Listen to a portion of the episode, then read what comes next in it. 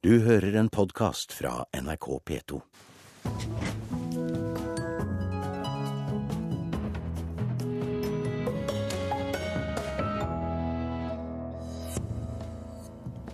Men vi skal også disse sakene. Det er vanskelig for pressen å være samfunnets vaktbikkje dersom en jurydom blir stående, sier redaktøren i avisa Nordland. Og altså, seks europeiske land mener Google bryter personvernlovene og varsler kamp. Vi anmelder grøsserfilm med danske Nicolai Kosser Waldau i en hovedrolle. Han fra Nattevakten, Hodejegerne og Game of Thrones. Men hvor god er han nå? Kulturnytt i Nyhetsmorgen. Redaktører frykter at det ikke lenger kan være den berømte vaktbikkjen dersom eh, dommen mot avisa Nordland blir stående. Salten tingrett dømte avisen for æreskrenkelser mot en kirurg i dekningen av den såkalte kirurgiskandalen ved Nordlandssykehuset. Nå forbereder redaktøren i avisa Nordland anken, og får støtte fra flere redaktører. Jeg er glad for at avisa Nordland anker denne dommen, fordi at den har en, en prinsipiell betydning for norske medier som sådan. Fra redaktørstolen hos avisa i Tromsø har Jørn Kristian Skoglund fulgt saka. Eh, og det er viktig at den dommen som nå er avsagt, ikke blir, eh, blir rettskraftig. Ødela helsa til frisk kvinne var første oppslag i ei omfattende dekning. Kirurgene som opererte ble identifisert. Retten mener avisa ga leserne et feilaktig inntrykk av at kirurgen kreftopererte mennesker han visste var frisk, og har dømt avisa for ærekrenkelse. Sjefredaktør i Avisa Nordland, Jan Erik Hansen, forbereder nå en anke, og han får støtte fra redaktørkollega. Vi får i alle fall fra de som er opptatt av pressefrihet og ytringsfrihet, eh, så får vi tilbakemeldinger om at vi må stå på, og at man imøteser eh, lagmannsrettens dom med forventning og, og håp. Avisa Nordland avdekka at Nordlandssykehuset gjorde kreftoperasjoner som ifølge retningslinjene skulle gjøres i Tromsø.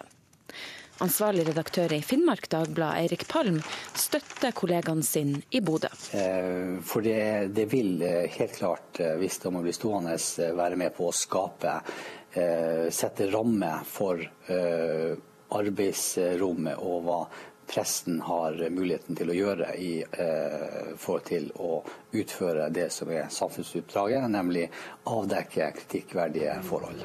Redaktørene i Bodø, Finnmark og Tromsø frykter at pressens arbeidsrom blir innskrenka om dommen blir stående.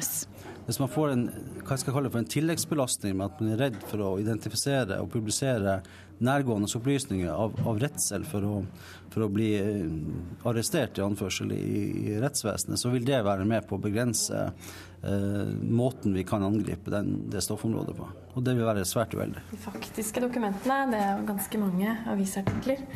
Hos Legeforeninga er det advokat Synne Bjørvik Stålen som har representert kirurgen i saka. Eh, og han har jo opplevd at både det faglige og personlige ryktet er blitt svertet og har måttet flytte ut av landet. Eh, og det er klart at Som følge av medias håndtering av saken. Så det er klart at han, eh, han har jo gjenopplevd saken nå ved tingrettens behandling og hadde håpet å slippe en ny runde i lagmannsretten. Pressen har en viktig rolle i å avdekke kritikkverdige forhold i helsetjenesten. Men når det avdekkes kritikkverdige forhold i pressen, så mener vi også at pressen bør ta ansvar for det. Eh, og vi skjønner ikke helt hvilke hensyn som skal beskytte en avis som ikke har gjort jobben sin godt nok før den har publisert feil påstander knyttet til navngitte personer.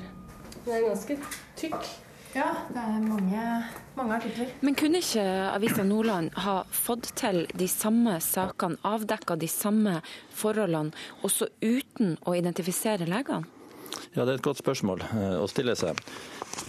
Eh, det, er, eh, det var også viktig å identifisere her for å avdekke systemsviktens totale omfang, hvilket heller ikke var kjent for oss på publiseringstidspunktet. Eh, det Resultatet var at flere pasienter meldte seg til oss, til helsetilsyn og til pasientombud etter at vi hadde valgt å, å, å skrive om saken, og at vi også hadde, hadde identifisert de to aktuelle legene. Og reportere var Karoline Rugeldal, som vi hørte i reportasjen, og Ina Strøm. Lederen i Norsk redaktørforening, Nils Øy, støtter anken til Avisa Nordland og sier at han ikke tror dommen i tingretten blir stående.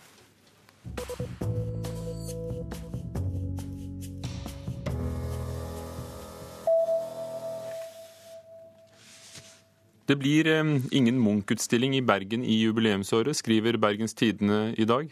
Den planlagte utstillingen på Kunstmuseet i Bergen blir utsatt fordi de må spare penger, forteller direktøren Erlend Høyersten.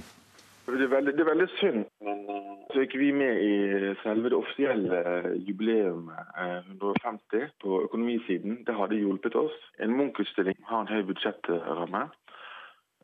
I tillegg så er det slik at vi fikk ikke tilgang på de verkene som vi ønsket oss i inneværende år. Og Da er det en sånn helhetsvurdering der vi ser at vi heller utsetter den utstillingen et par år og lager en optimal utstilling, snarere enn å lage en utstilling som blir halvgod både på innhold og med utgangspunkt i økonomien. Sa Erlend Høiersten på Kunstmuseet i Bergen om at det ikke blir noe Munch-utstilling i år.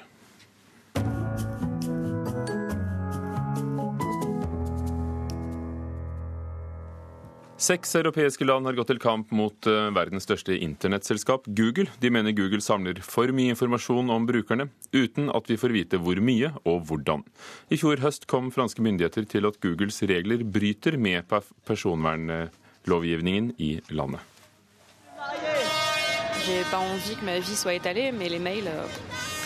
Parisiskan Claire har valgt å ikke ha noen gmail-adress, og hun anvender ikke heller søkemotoren Google. For jeg vil ikke at internettjetten skal kartlägga hele mitt liv, sier Claire. Hun tycker at det er bra at dataskyddsmyndigheterna i flere europeiske länder nu inlett åtgärder mot Google. I en process skal man undersøke om sökmotorn överträtt EUs integritetsregler. Det meddelade Knill, franska motsvarigheten til Datatilsynet, i veckan. Detta är det första samordnade och formella förfarandet från flera EU-länder mot ett enskilt företag gällande integritetsöverträdelser. Ved siden av Frankrike har även Tyskland, Italien, Nederländerna, Spanien og Storbritannien ansluttet sig. Portugisen Pedro, på besök i Paris, tycker att Google blivit ett alltför mäktigt företag. Google tem um poder muito forte, muito grande, porque ele é o primeiro... Pedro skulle vilja att Portugal och andra länder ansluter sig i kampen mot Google. Det skulle stödja internetanvändarnas integritet, tror han. Många är de som använder Googles tjänster regelbundet, som sökningar på Google, videos på Youtube eller har en Gmail-adress. Enligt uppgifter har Google regler som går ut på att samla all data som konsumenten ger bort i gemensamma databaser. Man kallar detta för en effektivare samkörning. Google använder även internetanvändarnas sökhistorik. Belgiska Laura är dock inte rädd. Ska sökmotorerna hinna övervaka just mina privata uppgifter behövs en jättestab av anställda, säger hon. Så varför ska lilla jag vara intressant för Google? On est, on, est, on est fiché de partout sur tout. Donc après la question c'est vu qu'on l'est tous, quel est l'intérêt de nos infos perso? Fast Jeremy Zimmerman på konsumentföreningen La Quadrature du Net anser att alla måste ställa sig frågan hur mycket av ens liv man är beredd att skänka bort till ett företag som inte ger garantier på att man kan lita på det. Men c'est demain, lorsque 5 ans, 10 ans, 20 ans de nos vies sur Google, Facebook, la carte de crédit... Zimmerman säger att alla privata uppgifter som Google lagrar kan säljas till banker och andra företag. Sen kan dessa kolla i databasen för att ge eller stoppa banklån, anställa eller inte anställa just dig. Privata uppgifter som Google lagrar kan missbrukas under flera decennier, varnar han. Som mest kan myndigheterna i Europa idag utdöma böter på cirka 7 miljoner kronor. Men nya EU-regler kan snart ge möjligheten att utdöma straff på upp till 2% av bolagets omsättning, skriver brittiska Financial Times. Det skulle kunna innebära böter på cirka 7 miljarder kronor för Googles del. Jeremy Zimmerman tror dock att chansen att kunna straffa Google är små. Google har en stab av starka lobbyister. Jag tror därför att datajätten inte kommer att låta sig stoppas av de sex ländernas datamyndigheter, säger han. Google ou six autorités administratives de six membres de l'Union européenne. Moi, je parierais pas sur les.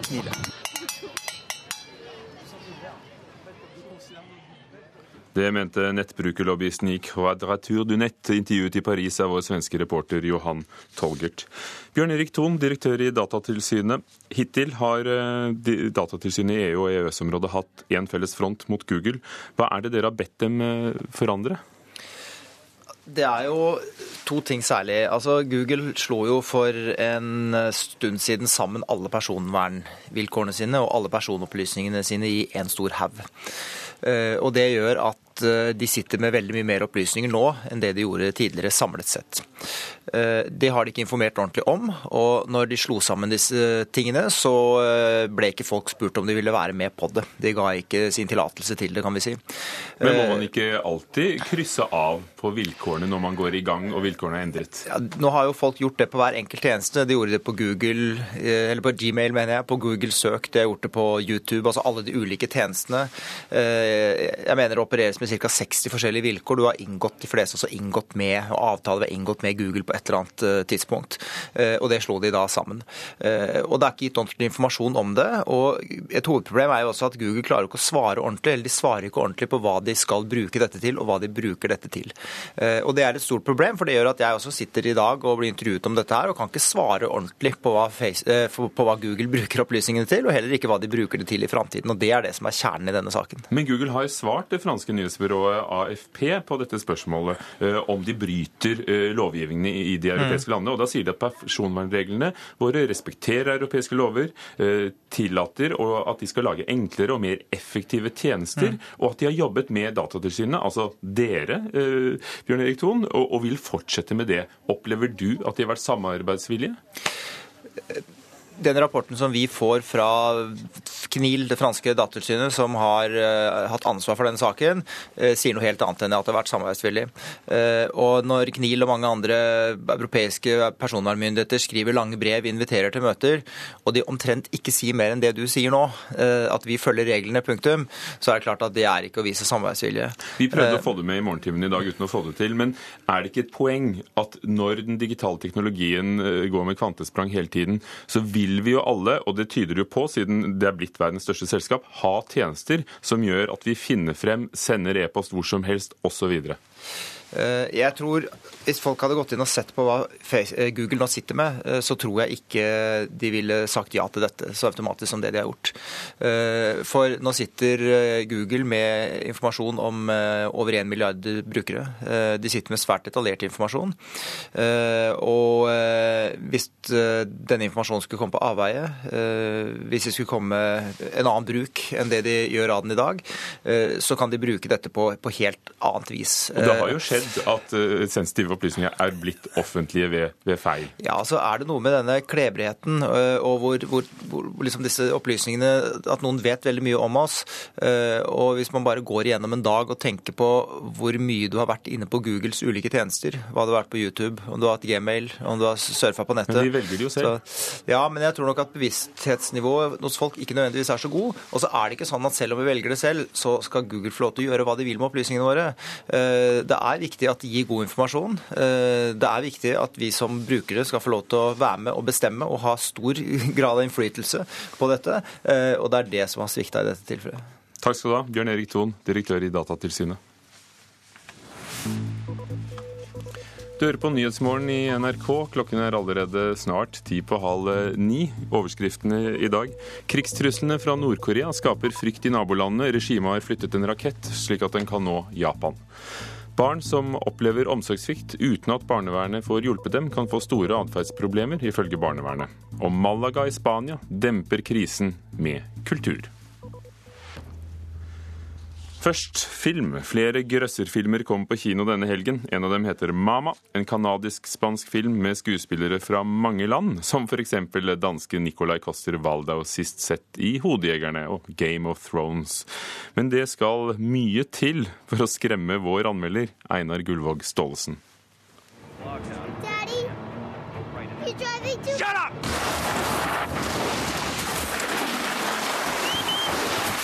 Der kjørte en bil ut av veien og lenger ned i uret enn vi kan se.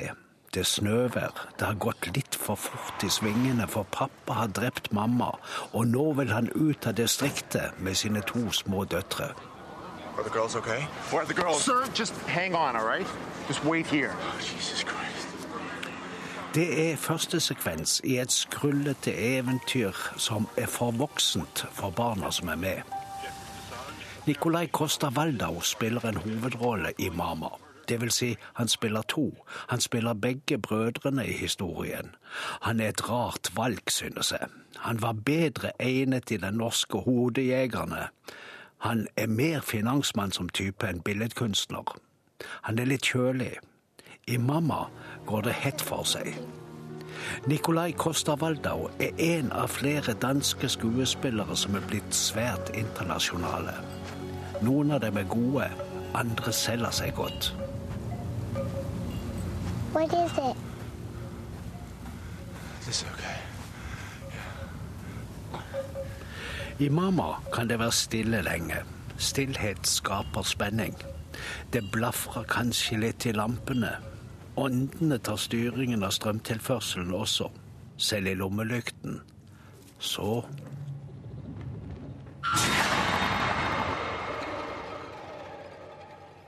Det er sånn mamma er. Mange såkalte grøssere er sånn. Skrekk og gru.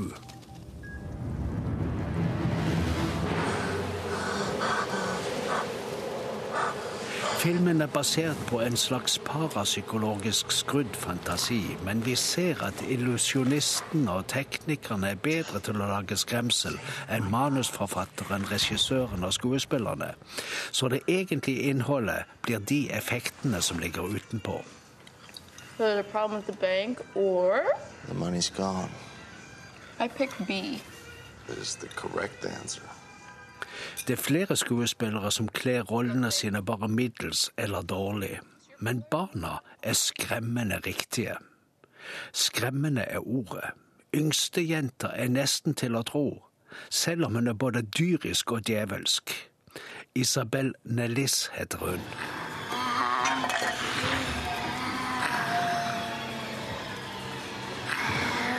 Vi gir æren for barnas spill til regissøren og instruktøren Andres Muccietti.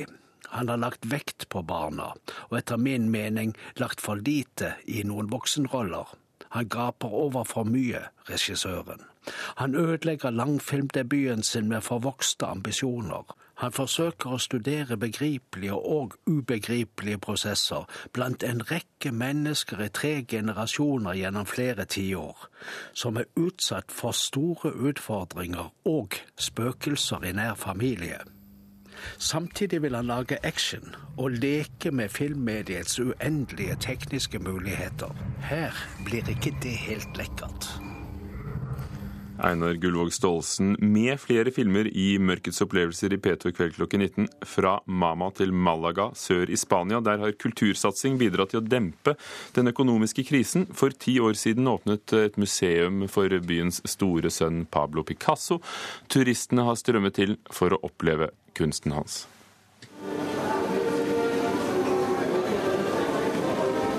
Det er hyggelig vårstemning i en gågate i sørspanske Malaga. Selv med et kjølig drag i lufta har mange slått seg ned ved restaurantbordene som er satt ut på fortauet, og turistene er allerede på plass. Blant dem et dansk ektepar i 50-årene. Malaga har forandret seg mye de siste årene, mener Søren Sørensen. Ja, det har forandret sig, fordi byen er, kulturelt set øh, er, er meget, meget fint udstyret. Der er nogle fantastiske museer hernede. Der er Picasso-museet, Thyssen-museet og mange andre spændende ting. Ikke?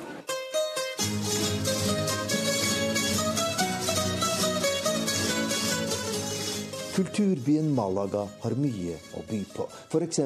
Los Verdiales, byens berømte folkesanger.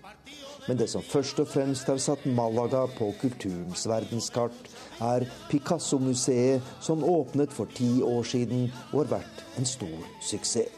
Hele 3,5 millioner besøkende har til nå vært innenfor dørene, sier museets talskvinne Lucia Vasques.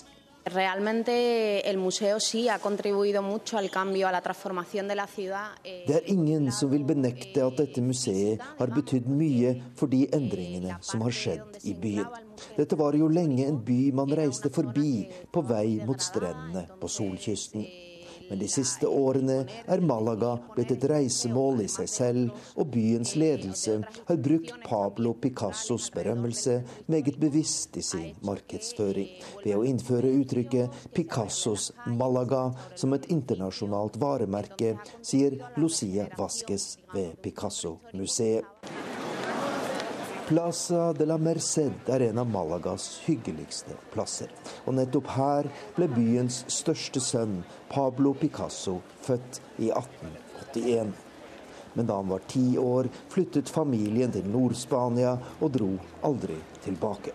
Den radikale Picasso flyttet senere til Paris og sverget at han aldri ville vende tilbake til hjemlandet så lenge diktatoren Francisco Franco satt med makten men innflytelsen fra hjembyen er fremtredende i Picassos kunst. Creemos que esa mediterraneidad, esa luz, eh, ha permanecido siempre en su Lyset fra Middelhavet er alltid nærværende i Picassos bilder, sier José Aguilar, direktør ved Casa Natal, museet som er innredet i huset der den store mesteren ble født. Og han er ikke i tvil om at Picassos navn bidrar til at Malaga er mindre rammet av den økonomiske krisa enn byen ellers ville ha vært. Reporter Arnst Fansen i Malaga. En ny dokumentarkortfilm skal gi barn mulighet til å bli hørt i politiske spørsmål, og filmen får premiere i juni under stemmerettsjubileet, og innspillingen er i gang i Skien. Å, så søte! Går kamera? Kamera går. I TV-studio er det fullt av lamper og skikkelig varmt. Foran flere kameraer sitter Josefine og Jonathan. De to har allerede svart på mange spørsmål. Likestilling og Var det noe mer enn likestilling, eller? mm. Hva ville du gjort hvis du var statsminister? Hva ville du gjort da? Um, bestemmer ikke. Bestemme noe? Hva er det beste som kan skje sånn i verden, da? At alle kan ha like mye penger. Ole Andreas, til deg først. Det er mange ulike mennesker som skal foran kameraene.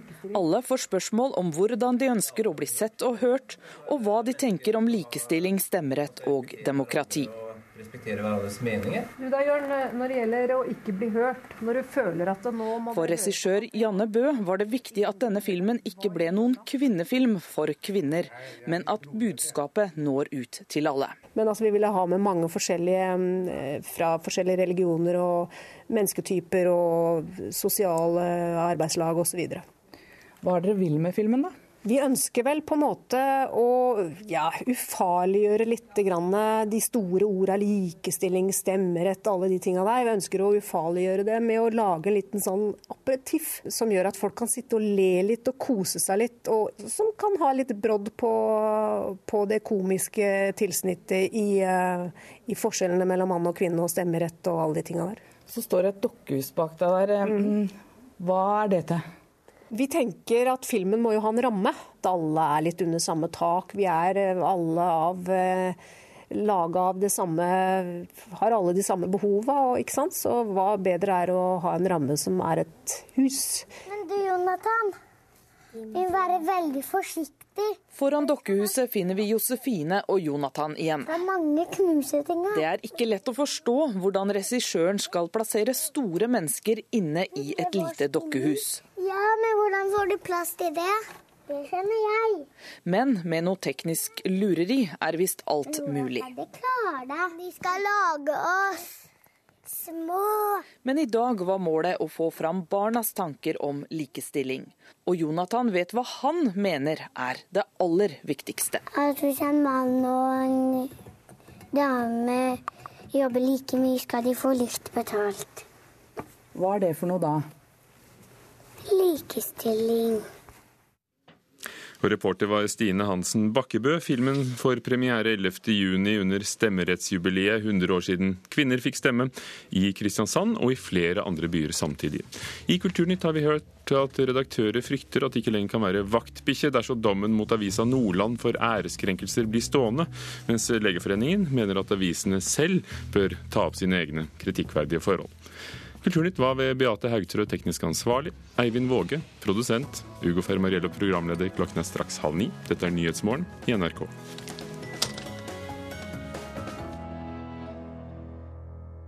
Du har hørt en podkast fra NRK P2.